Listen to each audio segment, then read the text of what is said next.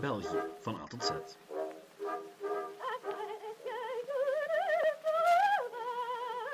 Welkom bij Geschiedenis van België. En welkom bij letter T. T voor Tiendaagse Veldtocht. Dit is de tweede aflevering gewijd aan die veldtocht en vandaag maken we het verhaal dan ook af. Vorige week had ik het over het ontluikende Nederlands nationalisme, het ermee gepaardgaande verlangen om de nationale schande van de Belgische revolutie te wreken en de Belgische arrogantie die aan de veldtocht voorafging. En vandaag, wel, vandaag kijken we toe hoe Willem I België binnenvalt, het Belgisch leger verslaat en zich uiteindelijk toch over de Moerdijk terugtrekken moet. Dat en meer in deze aflevering van Geschiedenis van België.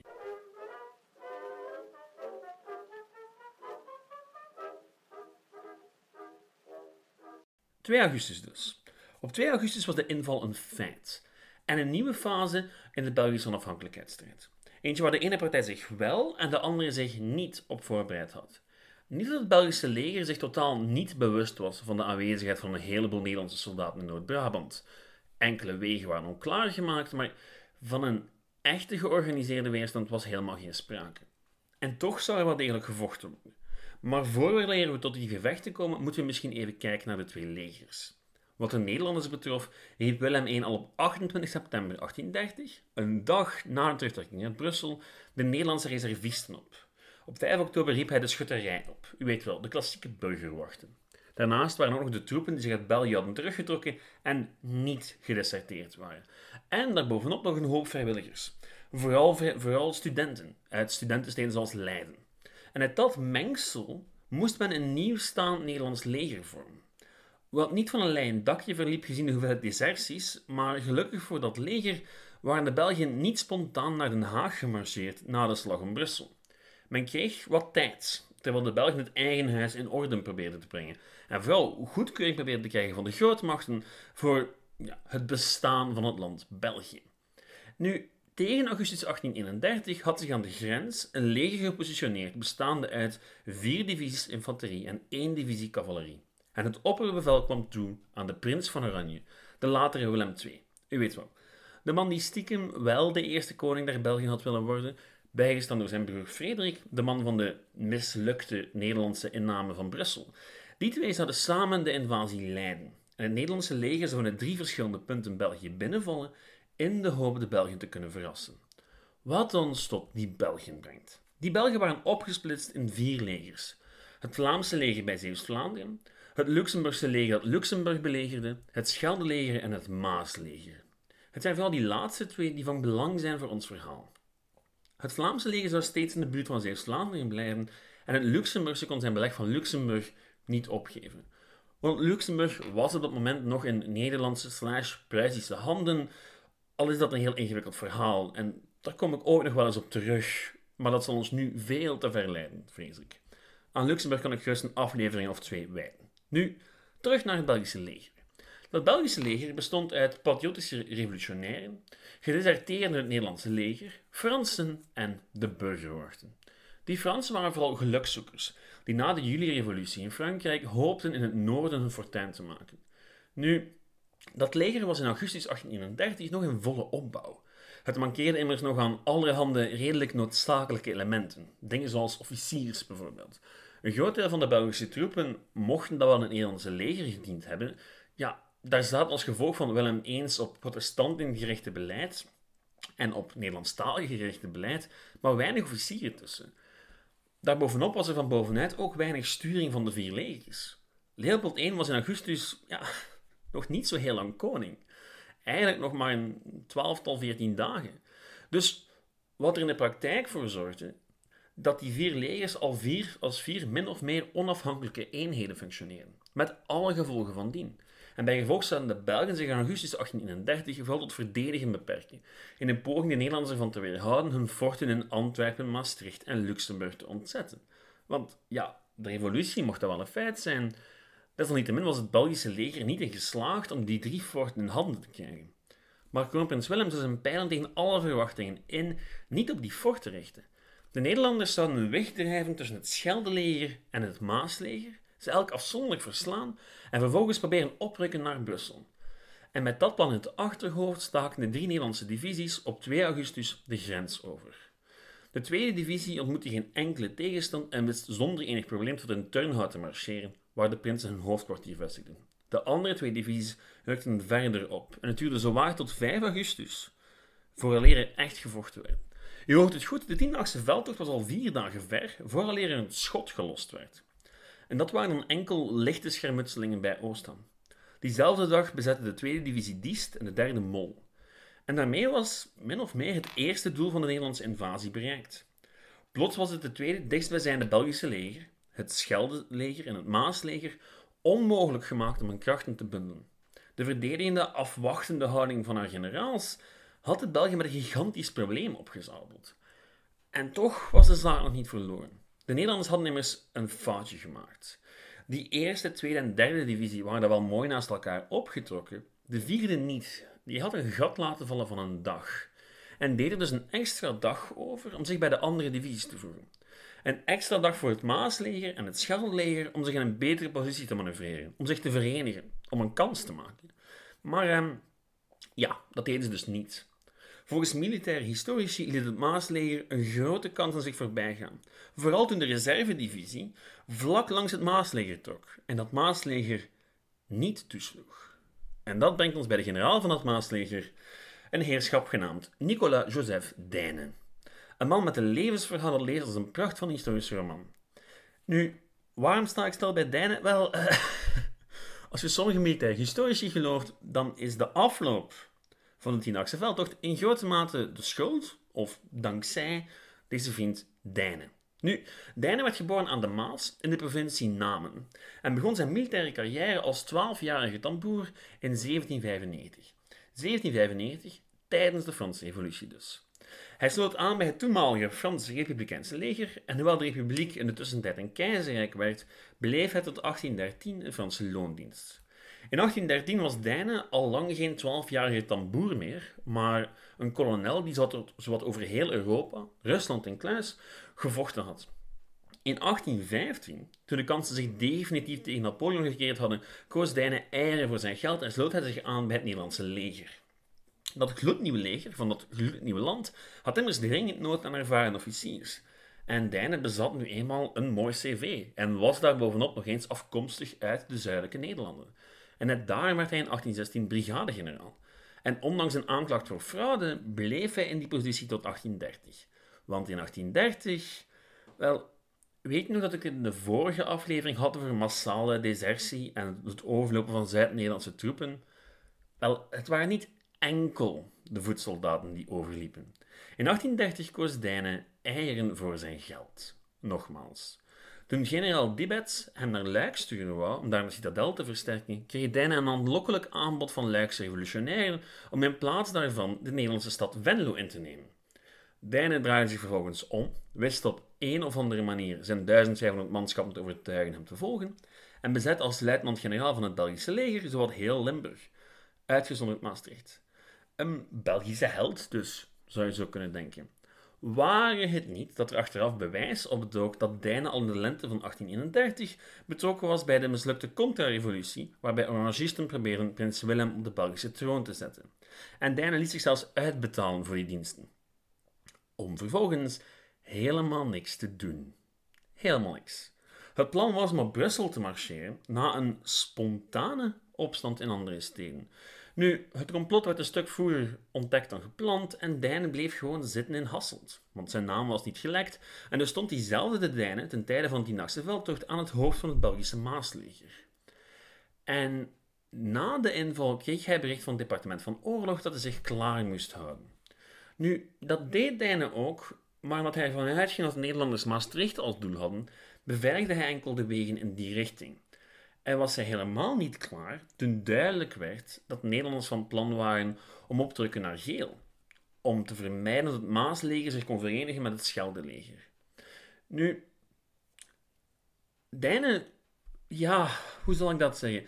Dijnen reageerde wel, maar veel en veel te laat. Want Dijnen, ja, hij kreeg, wel, hij kreeg wel wat orders, maar die waren in zijn opzicht verwarrend, dus bleef hij gewoon zitten waar hij zat. En al wachtende bleek er plots een hele vijandige legerdivisie vlakbij te zitten. De vierde Nederlandse legerdivisie, jawel.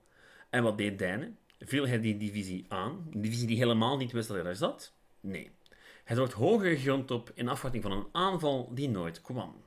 En er waren al wat schermutselingen, maar op de avond van 6 augustus was de vierde divisie gepasseerd zonder beslissend tijfen. Pas op de dag daarop besloot Dijne eindelijk om nog een poging om het Scheldeleger te bereiken.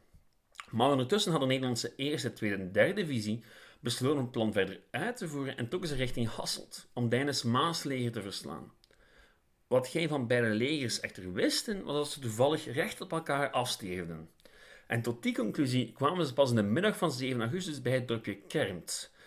En de fameuze slag bij Kermt. Fameus, want ja, de enige Belgische overwinning in het hele conflict. En misschien is de term overwinning iets wat genereus. Want, wel, tot op zekere hoogte was de slag bij Kermt weinig meer dan een strategisch misverstand. Dat zit zo. Het was de aanvoerders van beide legers onduidelijk met hoeveel vijandige troepen ze eigenlijk te doen hadden. Zowel de Belgen als de Nederlanders dachten dat ze slechts met een kleine vooruitgeschoven eenheid van de ander te maken hadden. En hadden de Nederlanders beseft wat er aan de hand was, dan had de tweede divisie Dijne makkelijk in de flank kunnen aanvallen. Maar dat gebeurde niet. Dijne wist mede dankzij de disorganisatie van het Nederlandse leger stand te houden. En hij trok zich op het einde van de dag terug. Naar Hasselt, maar hij was al van plan om over Hasselt naar Tongeren te trekken. Ehm, maar die terugtrekking verliep zo chaotisch dat toen het Nederlandse leger zijn achterhoede aanviel op 8 augustus, zijn troepen niet eens in staat waren om zijn slagorde op te stellen. En het gevolg was de slag bij Hasselt. Na het hoogtepunt van de oorlog voor de Belgen bij Kermt volgde het absolute dieptepunt. Volgens sommigen is de term slag zelfs te veel even wat er plaatsvond. De Nederlandse ruiterij maakte handig gebruik van de chaos en de gevolgen waren avenant. 700 doden aan Belgische zijde, 400 gevangenen door de Nederlanders en het totale uiteenvallen van het Maasleger. Dijnen trok zich met wat resten van zijn leger terug op Luik, waar hij blijven zou tot het einde van de veldtocht. En kroonprins Willem keerde zijn leger om, met de bedoeling om ook met het Scheldeleger af te rekenen en vervolgens op te trekken naar Brussel. Oké, pauze.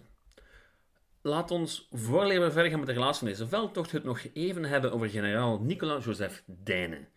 Want hoewel de man geen rol van betekenis meer zal spelen, loont het misschien wat de moeite om zijn rol te analyseren. Want de held van Kernt bepaalde in grote mate mee de afloop van het conflict. Had hij sneller gereageerd, sneller aansluiting bij het Scheldeleger gezocht, had hij de Nederlandse vierde divisie aangevallen, ja, dan was de oorlog misschien anders afgelopen. Al had hij slechts één van die zaken gedaan, dan zou de oorlog waarschijnlijk een stuk minder eenzijdig verlopen zijn. Wat ons tot de volgende vraag brengt. Was Dijne simpelweg onkundig of was hij omgekocht? Een vraag die de Belgische regering in de jaren na 1831 trouwens ook stelde. Maar Dijne werd echter vrijgesproken door een onderzoekscommissie, al werd hij wel in de gaten gehouden achteraf. Nu, we zijn vrijwel zeker dat Dijne voor de Nederlandse inval benaderd werd door orangisten en een hoop geld kreeg aangeboden. Hij is nooit formeel ingegaan zijn op het voorstel, maar laten we eerlijk zijn, zijn gedrag doet vermoeden dat hij het misschien wel op een akkoordje had gegooid met de Nederlanders. En als je nog bewijs wilt, wel, in 1839 zou Dijnen voor een derde keer betrokken worden bij een orangistisch complot. In 1839 eiste hij 250.000 frank op, die hij trouwens ook kreeg, maar hij kwam opnieuw niet opdagen, want hij vond het risico te hoog. Nu, de staatsgreep mislukte, maar deze keer lekte wel uit dat Dijne betrokken was geweest, ook al had hij niks gedaan. En uiteindelijk, na 1839, werd Dijne op non-actief gezet. Pas in 1839. Een hele wijze beslissing, en nu kan het heel goed zijn dat u zich de vraag stelt waarom de Belgische overheid die Dijne in godsnaam zo lang vertrouwd heeft. Tegen dat hij aan de kant geschoven werd, was hij immers al drie keer van kant gewisseld. Van de Fransen naar de Nederlanders naar de Belgen. En had hij al drie keer deel uitgemaakt van een orangistisch complot. Nu, feit is, je komt dit soort figuren tegen bij verschillende revoluties. Mannen die men besluit te vertrouwen omdat er in een gloednieuw land vaak weinig capabele personen zijn. En besluit men dus te roeien met de riemen die men heeft. Al was Dijn in dit geval een overduidelijk corrupte riem. Ik vind het een fascinerende figuur. En ik heb er misschien iets te veel tijd aan besteed. Goed, we laten Dijn even wat hij is en we gaan terug naar het Nederlandse leger. Na een rustig op 9 augustus rukten de prinsen Willem en Frederik op richting Leuven met de intentie om nadien naar Brussel op te trekken en een einde te maken aan de oorlog. Te Leuven zat ondertussen ook het Scheldeleger te wachten op de onvermijdelijke opmars van de Nederlanders. onder het persoonlijke commando van Leopold I, krijgsvorste koning der Belgen. Op 10 augustus probeerden de Nederlanders de stad te omsingelen. En op 12 augustus forceerde men een beslissing. Of, wel, probeerde men een beslissing te forceren. De Belgen moesten wijken en trokken zich terug op de stadswal, klaar voor de laatste Nederlandse aanval. En toen, ehm, toen eindigde de oorlog. Wel, min of meer. Toen kwam er een Britse diplomaat die eigenlijk effectief een einde maakte aan de veldtocht. Wat me heel plots tot de andere kant van deze veldtocht brengt. Een kant waar we tot nog toe niet over gehad hebben. De diplomatieke. Want terwijl de Nederlandse legers België binnentrokken, was er een heel ander soort strijd aan de gang in de hoofdsteden van Europa. In oktober van 1830 hadden de grootmachten tijdens de conferentie van Londen een schorsing van de vijandelijkheden opgelegd. Een schorsing die Willem I met zijn voeten had getreden door die inval. En de vraag was dus altijd wat de grootmachten zouden doen. En Nederland hoopte dat ze zich eruit zouden houden. En ze hoopten dat zelfs als Frankrijk zou besluiten zich te moeien, dat de twee meest conservatieve grootmachten op het Europese continent, de Pruisen en de Russen, hen te hulp zouden komen. Nu, het grote probleem was natuurlijk dat Frankrijk altijd zou tussenkomen voor België. Want ja, beide waren grondwettelijke monarchieën die goede banden hadden met elkaar. Leopold I zou, een jaar later trouwen met de Franse prinses Marie d'Orléans. En de Pruisen, ja, die wouden Nederland wel helpen, maar ze wouden ook niet alleen tegen de Fransen opnemen. En ze zouden dus enkel komen als de Russen hen zouden steunen. En de Russen, wel, die hadden de handen vol met de Polen. En bij gevolg zou Nederland het alleen tegen Frankrijk moeten opnemen als die besloten zich te mengen. En Frankrijk mengde zich. In het volle besef dat de Franse interventie de enige manier was om het land te redden, stuurde Leopold I op augustus twee ambassadeurs uit om hulp te vragen van respectievelijk Groot-Brittannië en Frankrijk. De Fransen stuurden een leger onder maarschalk Etienne Gérard, de Britten die diplomaat van eerder. De Britten waren akkoord gegaan met de Franse invasie, op één voorwaarde. Het moment dat de Nederlanders het land verlieten, moesten ook de Fransen België verlaten. Want de Britten waren natuurlijk doodsbang dat Frankrijk nog maar eens zou proberen om België te annexeren. Nu, die Britse diplomaat die onderhandelde met de prinsen. En ja, die prinsen die hadden van vader lief al orders gekregen dat ze zich in geval van een Franse invasie moesten terugtrekken. Dus gooide prins Willem van Oranje het maar op een akkoordje met de Britse diplomaat. De Belgen zouden zich terugtrekken uit Leuven. Prins Willem zou de stad op symbolische wijze innemen en zich vervolgens terugtrekken uit België. En dat was het. Dat was de tiendaagse veldtocht. Op 12 augustus was het praktisch voorbij. De aftocht duurde nog wel tot 20 augustus, maar in de overlevering zou de term tiendaagse veldtocht het houden. Waarschijnlijk omdat dat beter klinkt dan 12-daagse of 14-daagse veldtocht. En met die term zie je ook de triomfalistische interpretatie van het hele gebeuren. In het, idee, het nationalistische idee van Nederland was het eenmaal ja, een soort van triomftocht. Een duidelijke militaire triomf op dat zwakke België. De Nederlandse nationale eer was gewroken, de Belgen hadden een lesje geleerd en Nederland had zijn militaire slagkracht aangetoond. Al was die hele veldtocht op militair vlak, ja, eigenlijk was dat geen groot conflict. In vergelijking met het Napoleonistische tijdperk waren eigenlijk amper doden gevallen. En de veldslagen, waar we het eerder over hadden, zijn in de ogen van militaire historici eerder schermutseling dan iets anders. Het feit is dat die veldtocht heel weinig voorstelde. Er werd amper artillerie gebruikt, er werd amper cavalerie gebruikt. In vergelijking met alles wat er voor gebeurde, met veldslagen, de veldslag bij Waterloo bijvoorbeeld en andere, stelde het allemaal niks voor. En toch is die tiendaagse veldtocht achteraf gezien echt wel van belang geweest. Ook al hoor je er zelden over in de Belgische geschiedenisles. Maar voor het Nederlands nationalisme was het een hele grote boost. En het had ook praktische gevolgen. Want door de aangetoonde militaire Nederlandse suprematie werd het verdrag van de 18 artikelen het verdrag van de 24 artikelen. Een verdrag dat veel voordeliger was voor Nederland. Ook al aanvaarde koppige Willem I het pas in 1839. Maar met dat verdrag wist Nederland wel beslag te leggen op delen van Limburg en Luxemburg, voordien bezet door België. Nu, ook al was het verdrag echt aan het voordeel van Nederland, toch was het geen totale vernedering voor België, want het betekende dat Nederland voor eens en voor altijd de onafhankelijkheid van België erkende. En goed, het zou nog even duren voordat beide landen vriendschappelijke relaties met elkaar zouden aanknopen. Maar de tiendaagse veldtocht betekende het einde van de militaire confrontatie tussen beiden. En eigenlijk ook een nieuw nationaal begin voor beiden. Een nieuw nationaal begin voor het katholiek België en het protestants Nederland. Tot op zekere hoogte kan je zeggen dat de tiendaagse veldtocht echt de definitieve scheiding was. En dat de laatste kans op vereniging weg was met die Franse interventie. Dus een redelijk belangrijk, belangrijk evenement als je het mij vraagt. Ook al is het relatief moeilijk om te begrijpen. Goed, dat was het voor de tiendaagse veldtocht. Na vorige week een van de kortste afleveringen van de reeks is dit een van de langste geworden. Ik geef toe, uh, ik heb me iets wat laten meeslepen door het militaire verloop van de, van de veldtocht en ook door uh, generaal Dijnen, een fantastische figuur.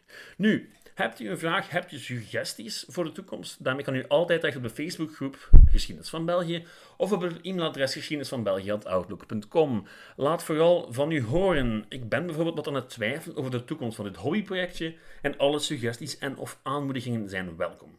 Bedankt voor het luisteren en tot volgende week. Dan beginnen we nog maar eens aan een mini-reeksje. Deze over de Unie van Atrecht en die van Utrecht. Opnieuw een reeks aflevering over de relatie met onze noorderburen maar hoe meer ik in die Belgische geschiedenis duik, hoe meer ik besef dat onze geschiedenis eenmaal niet los te branden is van die van onze Nederlandse vrienden. Dus trakteer ik u vanaf volgende week met al plezier op een reeks afleveringen over Willem van Oranje, Philips II, de pacificatie van Gent, de val van Antwerpen en de uiteindelijke eerste scheiding der Nederlanden. Tot dan en bedankt voor het luisteren.